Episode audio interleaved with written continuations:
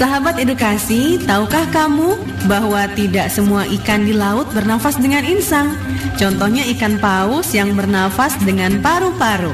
Selain itu, ikan paus bokok jantan memiliki lagu khas yang biasa mereka nyanyikan untuk merayu pasangannya. Unik kan? Nah, makanya ya, terus dengarkan suara edukasi karena masih banyak lagi informasi yang akan kalian dapatkan dalam acara Kita Perlu Tahu. Hanya di 1440 AM Suara Edukasi yang akrab dan mencerdaskan. Kita perlu tahu. Kita perlu tahu. Kita perlu tahu. Kita perlu tahu. Kita perlu tahu. Kita perlu tahu. Assalamualaikum warahmatullahi wabarakatuh. Halo sahabat edukasi, apa kabar? Di hari Mei ini kembali berjumpa ya bersama Charlie dalam program Kita Perlu Tahu. Seperti biasa sahabat edukasi kita perlu tahu akan menyajikan informasi dari pengetahuan populer Yang tentunya akan menambah wawasan kita dan tentu bermanfaat ya bagi pengetahuan kita juga. Dan silakan bagi sahabat edukasi yang ingin bergabung bersama Charlie bisa melalui WhatsApp di 0813 2526 1440 ya. Dan jangan lupa soal dikasih kamu juga bisa nih mengakses podcast suara edukasi yaitu melalui aplikasi Spotify yang tersedia di Play Store maupun di App Store. Jadi langsung unduh saja Spotify kamu, terus kamu tinggal ketik aja suara edukasi di mesin pencariannya, nanti akan muncul suara edukasi ya. Beragam podcast yang bisa kamu dengarkan. Dan kamu juga bisa saya dikasih mengaksesnya yaitu melalui website kami di suaraedukasi.kemdikbud.go.id. Dan selain itu juga saya dikasih jangan lupa ya, bagi kamu nih yang belum mengunduh aplikasi TVE, kamu juga bisa mengunduhnya untuk mendengarkan streaming suara edukasi dan sekaligus kamu juga bisa menonton ya atau mengakses streamingnya TV edukasi. Nah, sahabat edukasi, nanti Charlie tidak akan sendiri karena Kayesi akan bergabung sama dikasih. Wah, jadi semakin seru ya untuk edisi kita perlu tahu di edisi kita perlu tahu di hari ini saya dikasih. Nah, sahabat edukasi di edisi kali ini kita akan membahas yaitu adalah olahraga otak saya dikasih. Nah, berbicara mengenai olahraga otak, tentunya ini berbeda saya dikasih ya dengan olahraga hmm, tubuh ya atau gerakan tubuh yang biasa kita lakukan seperti bersepeda, berenang atau jogging gitu ya. Nah, tapi ini sama pentingnya saya dikasih dengan olahraga tersebut. Dengan olahraga otak, ini akan terbentuk saraf baru yang dapat melindungi terhadap gejala demensia ataupun kepikunan. Ya, nggak mau kan saya dikasih, masih usia muda, tapi udah uh, rada pikun gitu. Nah, makanya olahraga otak itu perlu dilakukan saya dikasih ya. Ada beberapa cara yang dapat dilakukan untuk olahraga otak.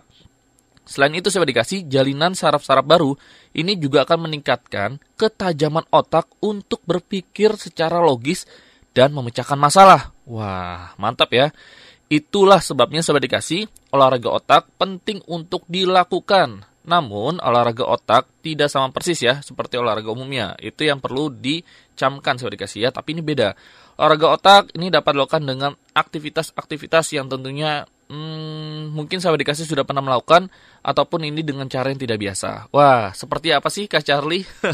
Semakin penasaran ya olahraga otak otaknya itu seperti apa yang dapat kita lakukan uh, demi untuk menajamkan otak kita dan juga menambah uh, sel-sel saraf baru guna itu ya otak kita juga menghindari dari demensia ataupun kepikunan. Nanti cara akan kembali saya dikasih untuk informasi mengenai olahraga otak ini dan nanti juga ada Kayesi ya yang akan bergabung. Wah, kita tunggu saja saya dikasih untuk keseruannya di edisi kali ini. Dan silakan bagi kamu yang ingin bergabung silakan di 0813 2526 1440. Kita perlu tahu. Kita perlu tahu. Kita perlu tahu. Kita perlu tahu. Kita perlu tahu. Kita perlu tahu.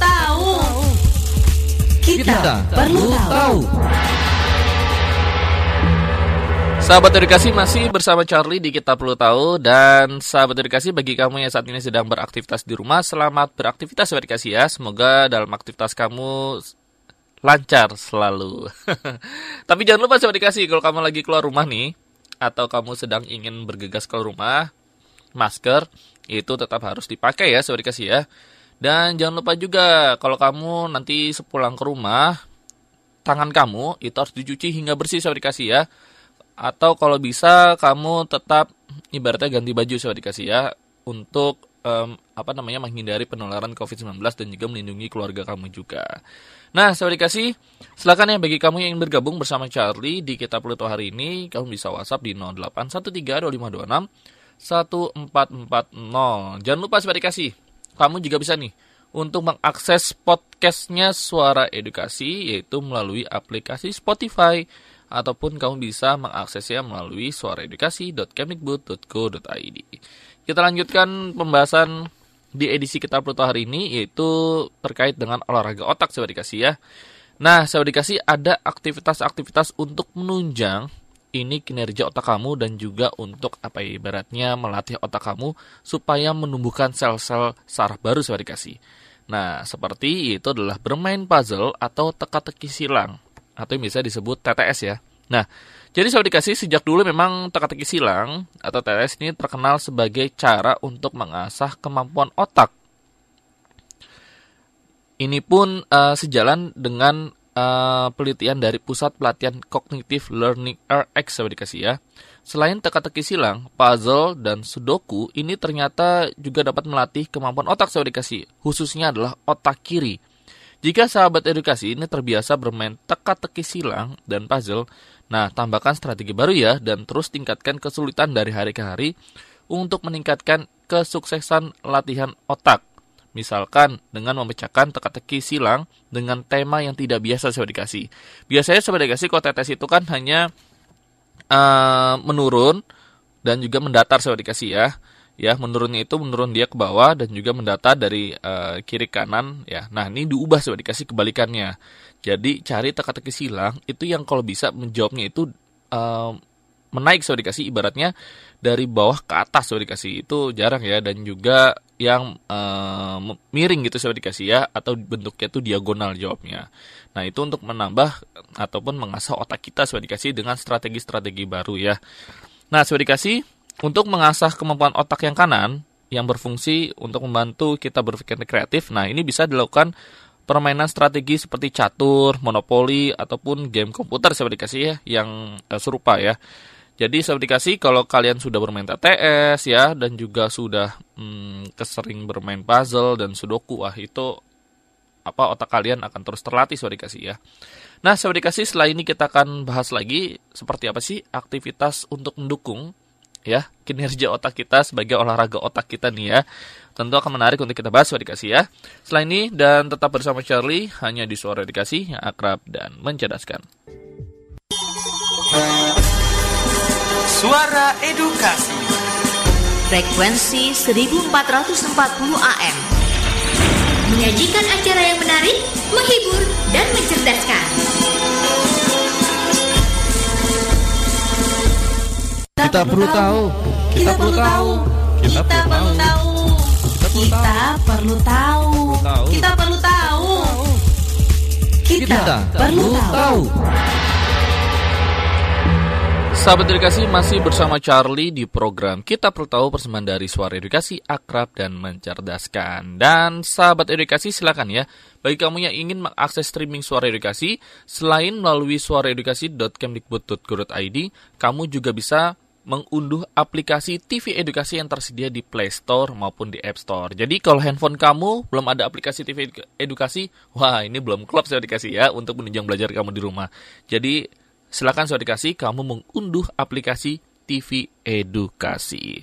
Nah, saya dikasih kita lanjutkan ya pembahasan kita di edisi kali ini yaitu adalah uh, olahraga otak saya dikasih ya. Nah, olahraga otak yang sebelumnya Charlie sudah bahas, ini penting banget saya dikasih untuk ya melatih otak kita supaya menghindari yang namanya demensia atau kepikunan dan juga untuk menambahkan saraf-saraf baru saya dikasih di dalam otak kita saya dikasih. Wah, jadi kita biar lebih ya pintar nambah pintar lah ya.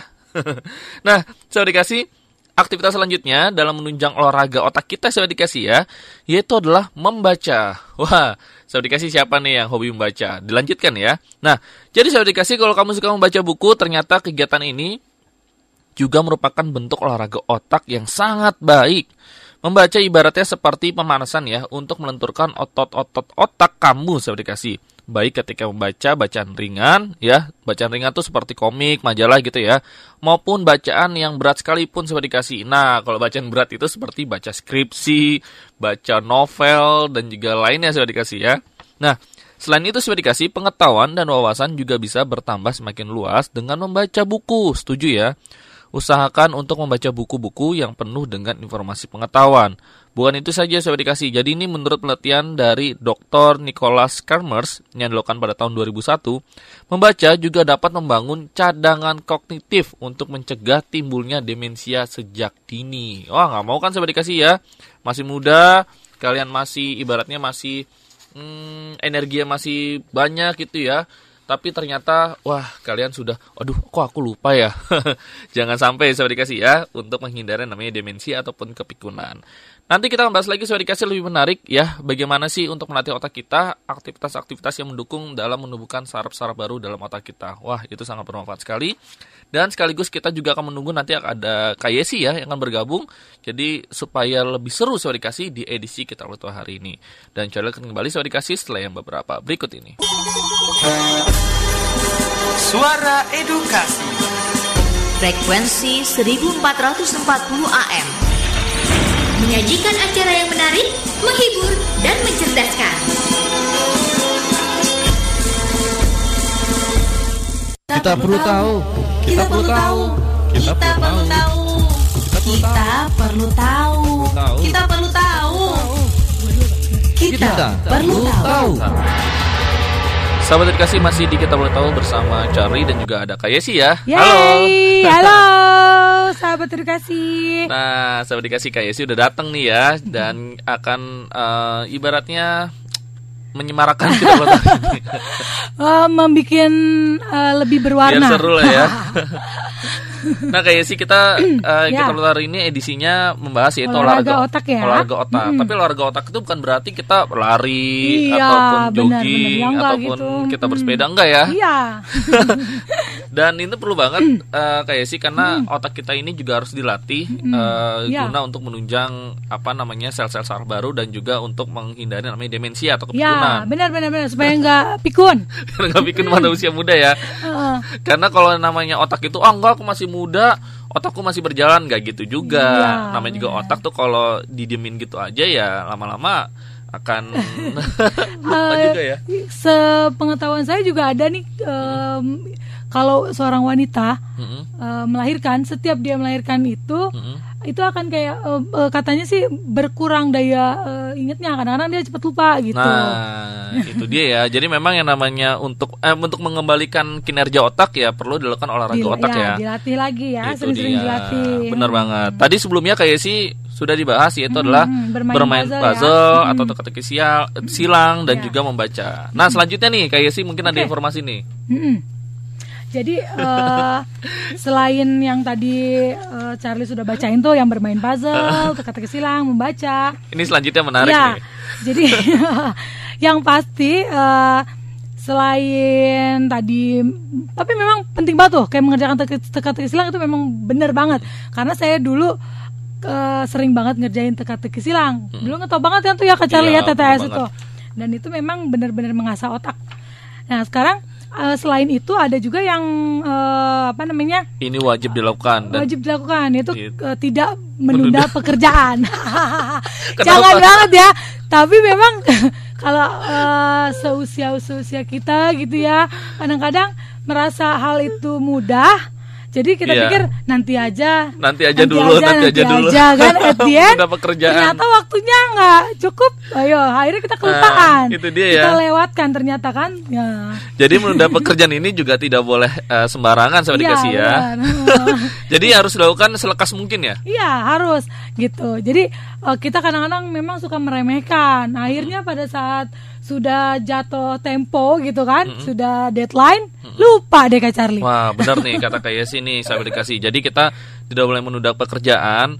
Kalau kita menunda pekerjaan, tentunya eh, pikiran kita itu akan teralihkan ke hal lain dan Iya, itu benar. mungkin akan eh, membuat kita itu semakin lupa Iya, ya dengan daya hal yang ingatnya akan sebelumnya. melemah. Nah, gitu. itu ya. Sedangkan kalau kita sering eh, selalu mendisiplinkan diri kita dengan selalu mengerjakan eh, tugas kita dengan langsung gitu, tidak menunda-nunda, ya itu semakin menguatkan daya ingat kita tuh Kak Charlie. Nah, benar banget ya. Dan itu pun Hmm. sekaligus untuk eh, merespon buah pikiran kita dengan aksi nyata. Iya.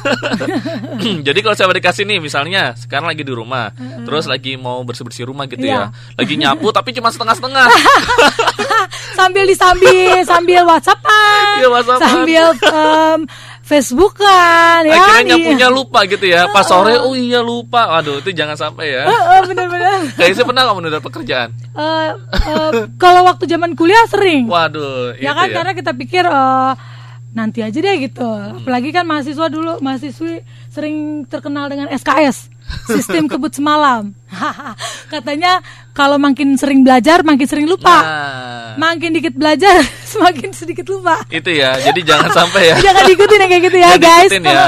Jadi memang nah itu ya. Maksudnya adalah kita nanti kalau semakin menunda pekerjaan, terus Mm-hmm. pekerjaan kita menumpuk, itu justru akan membuat otak itu semakin lelah. ya Ya, benar Mm-mm. semakin lelah terus kita karena loadingnya banyak itu ya dia. Hmm, Jadi semakin malas untuk berpikir lagi. Jangan sampai sorry kasih ya. Jadi ayo aksi nyata dengan apa yang sudah kita rencanakan kita Benar. pekerjakan, jangan sampai tertunda. Iya, Wah, benar. menarik ya. bikin list tuh Bikin supaya- list bener ya. supaya tidak ditunda-tunda pekerjaan ya Oke, nanti kita kembali lagi eh, untuk informasi lebih lanjut ya Kak Isi ya. Siap. Dan nanti silakan bagi saudara dikasih yang ingin bergabung eh, WhatsApp di 081325261440 ya. Tetap bersama Charlie dan juga ada Kak Yesi Yes, di kita ayo. Tahu hari ini. 144 AM, suara edukasi yang akrab dan mencerdaskan. Kita perlu tahu. Kita perlu tahu. Kita perlu tahu. Kita perlu tahu. Tahu. Kita perlu tahu. Kita perlu tahu. Masih disiarkan langsung dari lantai 2 Gedung Gerha Media Pusdatin Kemdikbud Ciputat Banten, saya dikasih dan masih di program kita perlu tahu. Ada Kak Yesi. ya masih ada di sini saya Iya, ada Kak Charlie juga saya dikasih ya. Eh, pastinya Kita masih membahas yaitulah olahraga otak nih. Kalau tadi sebelumnya seru ya, mem- eh, tidak boleh menunda pekerjaan. Karena kalau menunda pekerjaan itu justru membuat otak kita itu ya apa Bisa namanya? jadi stuck Iya, stuck dan juga lupa gitu ya. Jadi akhirnya kita nggak fokus pada suatu hal yang ingin kita kerjakan. Nah, informasi selanjutnya nih, ini tidak kalah menarik nih. ya Kak Charlie Ada apa nih kayak sini? jadi s- eh, dari eh, selain yang tadi ke- tadi kita sudah sebutkan itu Kak Charlie hmm, kita juga harus membiasakan diri untuk selalu aktif eh, mengaktifkan yang tangan, kiri, kita Ha-ha. Nah, jadi jangan hanya kita pakai yang kanannya aja jadi kirinya juga harus sering dipakai aktif ya. Tapi ini bukan berarti kita, wah, berarti kita harus menulis dengan tangan kiri. Iya, enggak, enggak, enggak gitu. juga. Ah, jadi walaupun kita terbiasa dengan tangan kanan, jangan lupakan yang kiri. ya. Yang kiri juga perlu digerakkan gitu. Nah itu dia ya. Jadi ini ada contohnya nih kayak sini. Seperti kita menggunakan mouse itu menggunakan tangan kiri. Tapi ini ini bukan berarti kita rutin untuk terus menggunakan kiri enggak. ya tapi beda lagi itu. tapi ini sekali-sekali kita coba melatih tangan kiri kita untuk selalu aktif ya. Ya benar. Benar, Terus juga kalau bisa nih menyikat gigi dengan tangan kiri nih kayak sih. Wah, latihannya kayak gitu ya, cari ternyata ya. Agak susah tuh kalau sikat gigi tangan kiri, kecuali sikat giginya elektronik. Elektronik ya ya? kan, Oh ya, iya, elektronik kan kita tangannya diem aja. Dengan diem aja. Nah, Hmm. jadi kalau sikat gigi, kalau yang secara manual, eh, pengen coba sih menggunakan tangan kiri ya. Ntar coba deh di rumah deh. Tapi hati-hati nanti malah jadi oh iya luka malu kan. kayak tetap harus hati-hati sih tapi ya dibiasakan aja coba ya terus ada lagi nih kayak sih Iya.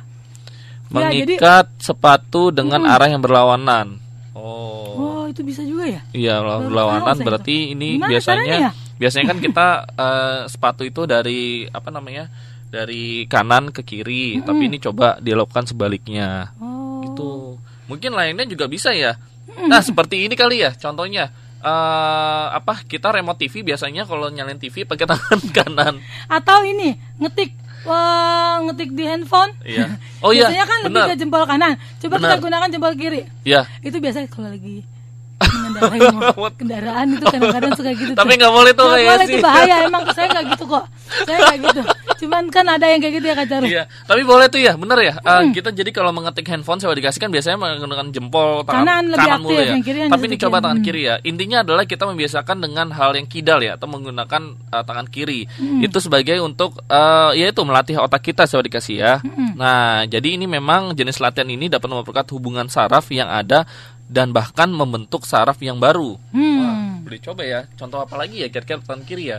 Hmm, kayak sih biasanya apa kalau bisa Kayak kanan? misalnya kalau ibu-ibu apa apa, perem- anak perempuan gitu kan pasti biasanya kayak bersih-bersih nyapu Heeh. atau menyikat lantai gitu kan, ngepel apa itu kan kita lebih sering pakai tangan kanan. Heeh. Nah, dicobalah pakai tangan kiri nah, coba. tangan kiri ya, Hmm. nggak ada salahnya ya.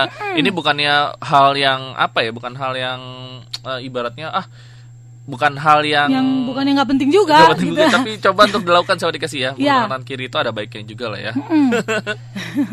Atau misalnya kalau main bulu tangkis, badminton, Ah. yang biasanya raket Ah, di kanan, itu- coba itu- ditukar di kiri sekali-sekali Coba. kalau pada saat itu pernah, pemanasan. itu pernah, itu pernah. Aku pernah ngelakuin kayak sih, jadi Ya. pakai tangan kiri, jadi nggak pakai tangan kanan. Itu jadi bukan bu- bukan berarti kita melawan apa sesuatu yang biasa kita lakukan ya, tapi melatih tangan kiri. Iya, kan kalau misalnya dalam pertandingan jangan Iya. karena nanti kalah.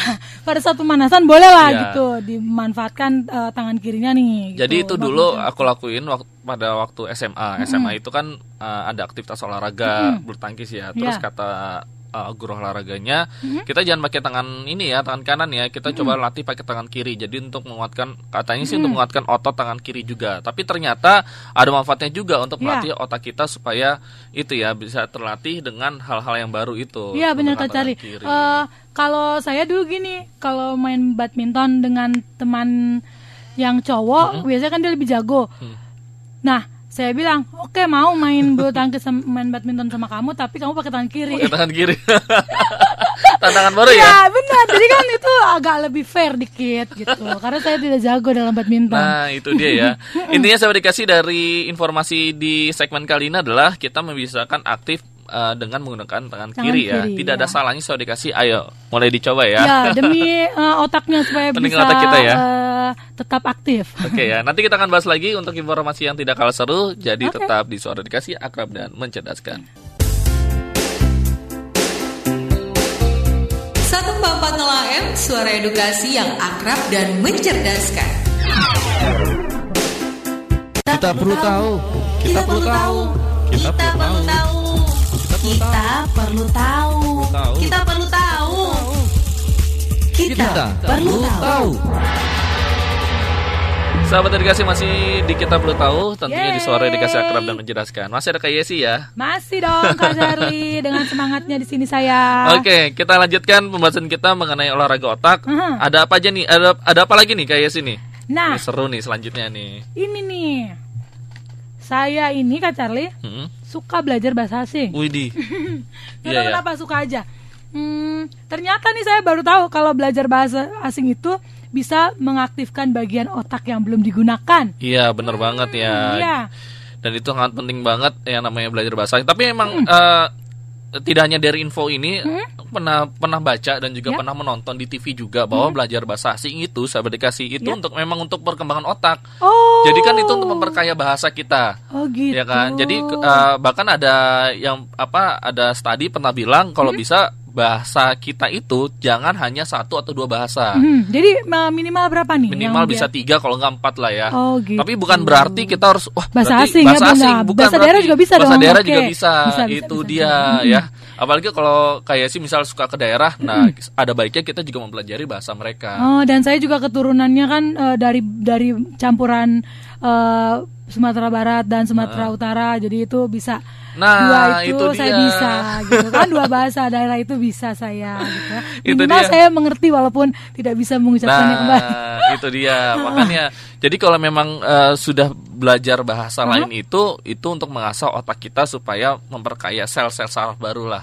Karena kan ketika kita mempelajari hal baru, ya sel-selnya ya Iya, benar, itu dia. benar benar benar benar benar pada saat dia terangsang eh, sel otaknya terangsang itu dia kan akan mem- membentuk kayak semacam jaringan web ya Nah, kayak jaringan gitu kan dia itu saling dia. menyambung nyambungkan itu loh ya kak Charlie ya Hmm. oh ya Itu, kalau jadi- sudah makin banyak yang tersambung makin bagus daya ingatnya ya kak Charlie itu ya dia makanya belajar bahasa asing itu sebenarnya ya eh apalagi kalau sekarang ini sahabat edukasi ada yang suka nonton drama Korea gitu ya. Ah iya iya iya iya, saya jadi mulai baru mulai nih Kak Charlie nih. Baru Jadi mulai suka. mau nggak mau kita nanti akan terasah juga eh, dengan belajar bahasa Korea tersebut. Ya, nggak sengaja ya. nggak sengaja. Minimal idiom-idiomnya gitu ya. Iya. Apa namanya bahasa slangnya gitu. Iya, seperti itu. Dan kalau bisa kalau sahabat edukasi sudah terbiasa, Ya. itu kalau bisa subtitlenya juga di nggak usah ada. Nggak ada ah, Jadi Ma, itu melatih juga. Eh, ini Kak Charlie, sebenarnya kalau kalau kita mau belajar awal belajar satu bahasa eh, lebih baik ada subtitlenya nih. Oh, Jadi iya. tapi su- tapi suaranya di dikencangkan. Jadi pada saat dia mengucapkan kan ada subtitle tuh. Nah, kita jadi bisa membandingkan kalau oh itu artinya ini. Saya kayak Iya, kayak misalnya kayak banget bahasa ya. Korea itu apa? Daebak. Heeh. Kan orang di film apa namanya di film-film Korea itu seringnya daebak gitu kan. Heeh. Kan artinya apa sih hebat gitu kan. Nah, kita jadi bisa tuh dikit-dikit Nah, minimal dikit-dikit. vocab kita bertambah. Nah, itu dia ya. Jadi ibaratnya menambah vocab kita, terus tidak salahnya kita untuk belajar mengucapkan juga. Iya. Apalagi bahasa Inggris dulu lah ya. Pronunciation ya, Iya. Heeh, itu penting. pronunciation karena apalagi kalau bahasa Inggris kalau pronunciation kita salah artinya suka beruber, berbeda. Juga berbeda. Jadi jangan takut saya dikasih untuk kita tuh eh, tidak hanya apa ya, tidak hanya kita melihat atau membaca, tapi kita juga mengucapkan itu juga penting ya. Iya. Nah, itu belajar bahasa asing. Nah, selanjutnya lanjut deh nih ya. Oke. Eh, setel- selain belajar bahasa asing, ini aku akan bacakan nih ya. Ya, Charlie, yaitu adalah bermain musik. Nah, jadi sahabat dikasih ini ada studi dari Nina Kraus di mana Ya. dia eh, dalam websitenya di Life Science menunjukkan bahwa orang yang bermain alat musik ini Ya. dapat merespon suara dan bahasa lebih baik dan juga cenderung mengalami proses eh, apa namanya penuaan otaknya lebih lambat. Nah, Apanya- jadi apanya penuaan otaknya jadi lebih lambat. Oh, penuaan ya, Nah, aging ya. Iya, iya. jadi Mm-mm. jadi ini tuh untuk memelihara otak kita sahabat dikasih ya. Dalam studinya Kraus juga menemukan eh, apa namanya ber- berlatih alat musik itu bisa meningkatkan kemampuan seseorang Mm-hmm. untuk mendengar dalam suasana bising dan mengenali aspek emosi dari suatu ucapan. Hmm. Wah, ini menarik ya. Ya, dan itu eh, pada tahun berapa tuh Kak Charlie tuh? Ini eh, studi terbaru lah ya. Ini jadi terbaru. jadi gini. Jadi kalau mendengarkan musik itu memang Hmm? eh, apa ada sesuatu emosi yang melatih kita juga. Hmm, bahkan Hmm? dulu bahkan dulu ada temen bilang gini eh, ngomong ke aku ya, Ya. sahabat lah Ya, Eh, sorry. car kalau ada orang yang tiba-tiba nyanyikan musik gitu ya nyanyikan lagu gitu ya Heeh. itu orang itu berarti Otak- tandanya otak lagi, lagi seneng aktif ya? iya Oh. berarti dia lagi seneng Iya, kayak gitu mm. misalnya nih kayak Yesi nih aku Ah. lagi ngobrol Atau kayak Yesi bukannya kalau lagi sedih juga bisa jadi gitu. bisa juga tapi kan kalau nggak mungkin Biasanya ka- lebih kalau lebih sedih kayak lagi sedang seneng ya. iya seneng Ah, kalau Kayak lagi sedih malah senengnya dengerin musik. dengerin musik. Oh, iya, iya, iya, iya, Misalnya, bener-bener. jadi ada temen nih bilang nih, eh Car coba nih kalau ada temen nih ya, Ya. tiba-tiba lagi nyanyiin musik ya, Lagi happy. lagi, lagi happy suasana hatinya, itu bisa kebaca dari dari situ aja. Oh. tapi emang bener sih ya. Iya benar benar benar. Terus eh, ini juga nih Kak Charlie, Ah. eh, bermain musik itu kan kita bukan hanya langsung main musik ya. Kita kan baca not ba, not not not itu kan dan itu kan kita translate tuh Iya. An- dari angka ke eh, suara ya kan ya dari angka ya kan ke de- ke apa namanya kayak eh, lirik ya dari angka ke lirik itu juga kan kayak kita belajar bahasa sebenarnya. Nah itu dia. Nah, translate lagi dari dari not ke eh, lirik.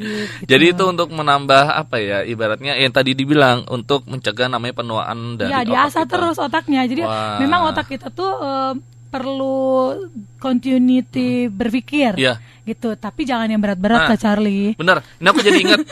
Jadi ingat dulu. malah jadi Iya, jadi dulu eh, apa eh, bermain drum itu kan ada ketukannya ya. Itu juga mungkin bisa melatih daya itu, otak itu kita. merangsang otaknya. Iya, Oh, bener Kak ada ketukannya. Jadi kita bermain irama itu eh, bukan eh, bukan berarti kita eh, mengikuti musik, tapi juga untuk merespon otak kita supaya kita mengikuti. Jadi Oh. otak kita itu akan terlatih juga. Nah, itu penting banget ya. Penting, penting, penting, penting. main musik. Dulu di studionya ada musiknya Makanya saya anak dikasih. saya Kenapa? saya wajibkan bisa main musik. Iya, Satu alat musik di les asal musik, iya bener banget. Jadi biar dia eh, tetap tetap apa namanya kayak otak kiri dan otak kanannya Iya, seimbang. seimbang, gitu. bener banget. Ya, seenggaknya bermain gitar ataupun piano ya. Iya, piano, apa? piano, keyboard Wih, gitu. Itu eh, tidak semua orang bisa, tapi ketika memainkannya, wih, jago itu. Iya, dan kayaknya dia nggak ngerti ya atau memang anak saya atau eh, anak-anak sekarang yang memang cepet banget Iya, bisa. kayaknya cepet ya sekarang Iya, ya. anak sekarang cepet-cepet banget. Gitu kayak bikin-bikin komik aja nggak pakai eh, latihan hanya dengan melihat nonton aja terus dia bisa gambarin hal Iya. yang sama Nah. gitu. Canggih ya anak sekarang mamanya nggak bisa gambar. Bahkan ya itu ya otodidak itu ya, otodidak itu cepat banget ya. Iya, benar-benar. Itu kok- padahal kan katanya intelijensia itu turun dari ibunya. Perasaan saya nggak bisa gambar, main alat musik saya nggak bisa. gitu. Intelijensia itu turunan dari YouTube. Oh iya benar-benar benar.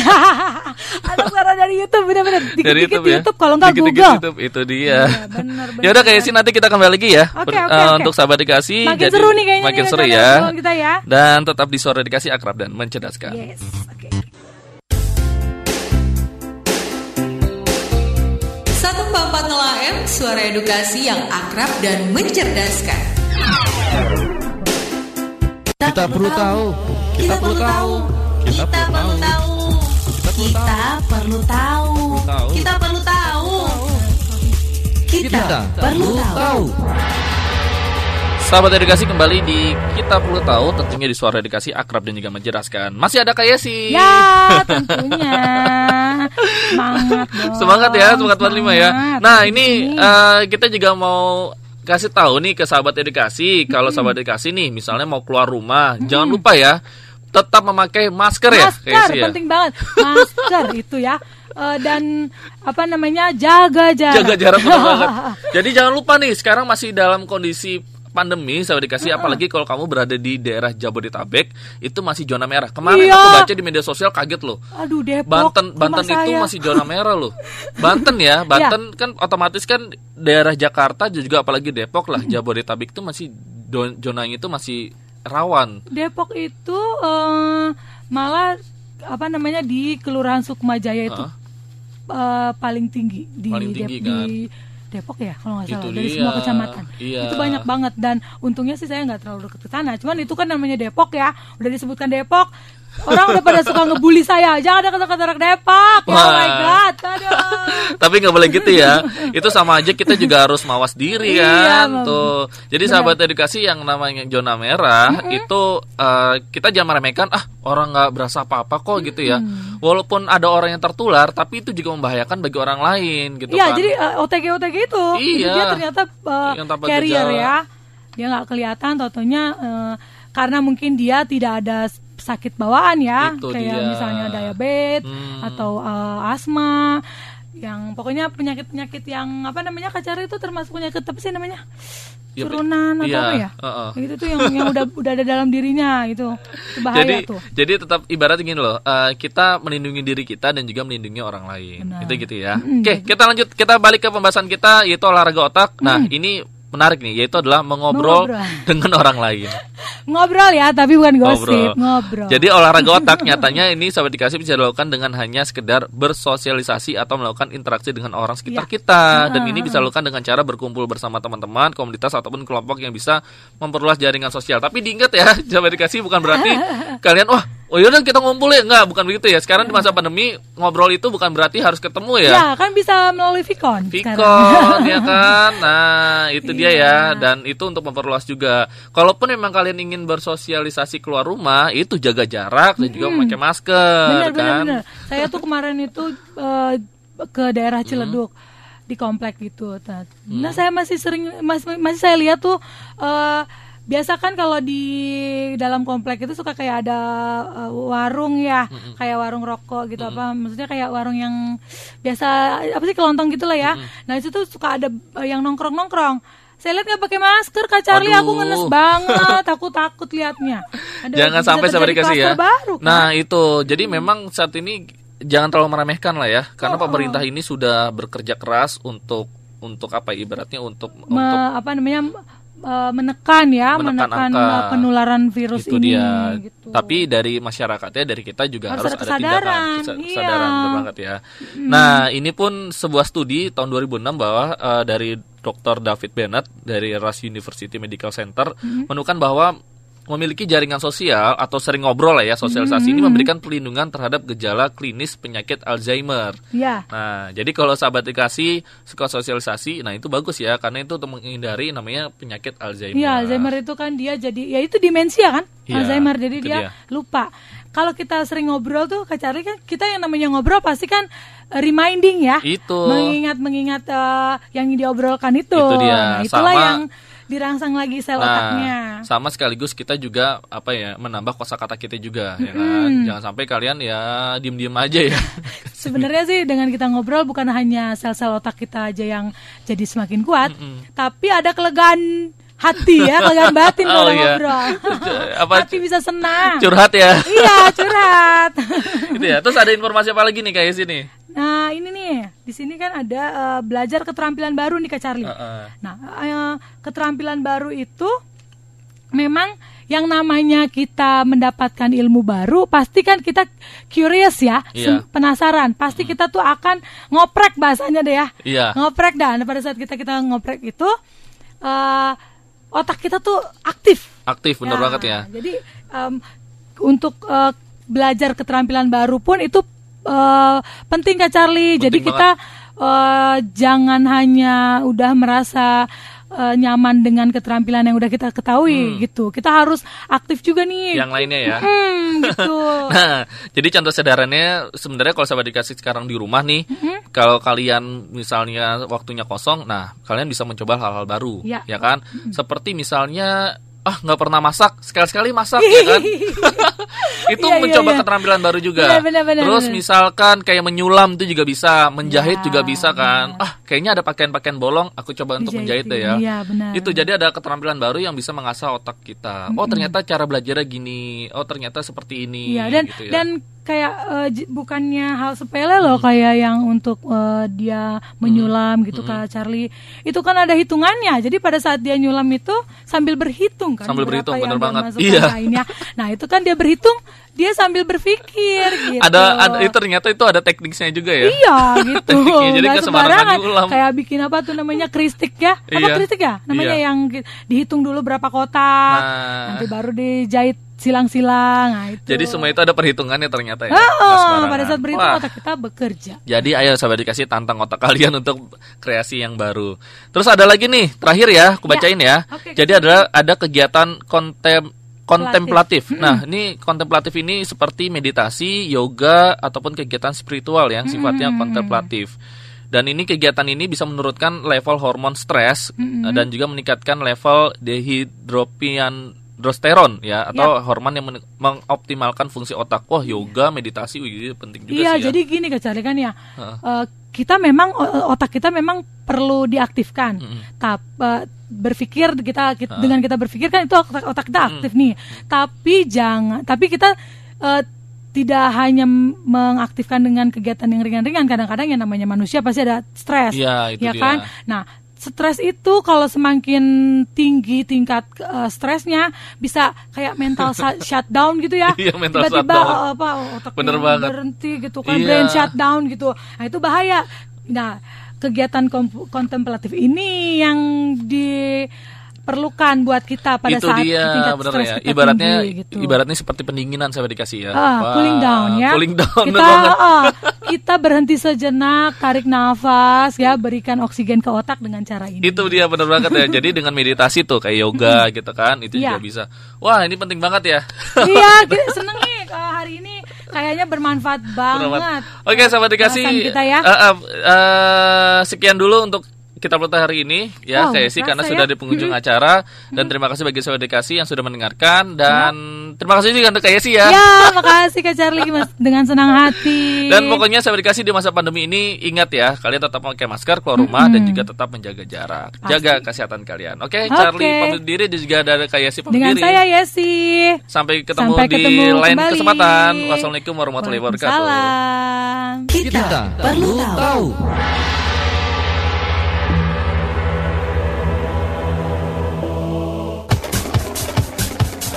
Dipersembahkan oleh Suara Edukasi. Demikian tadi sajian acara Kita Perlu Tahu. Semoga bermanfaat. Simak dan dengarkan terus Suara Edukasi.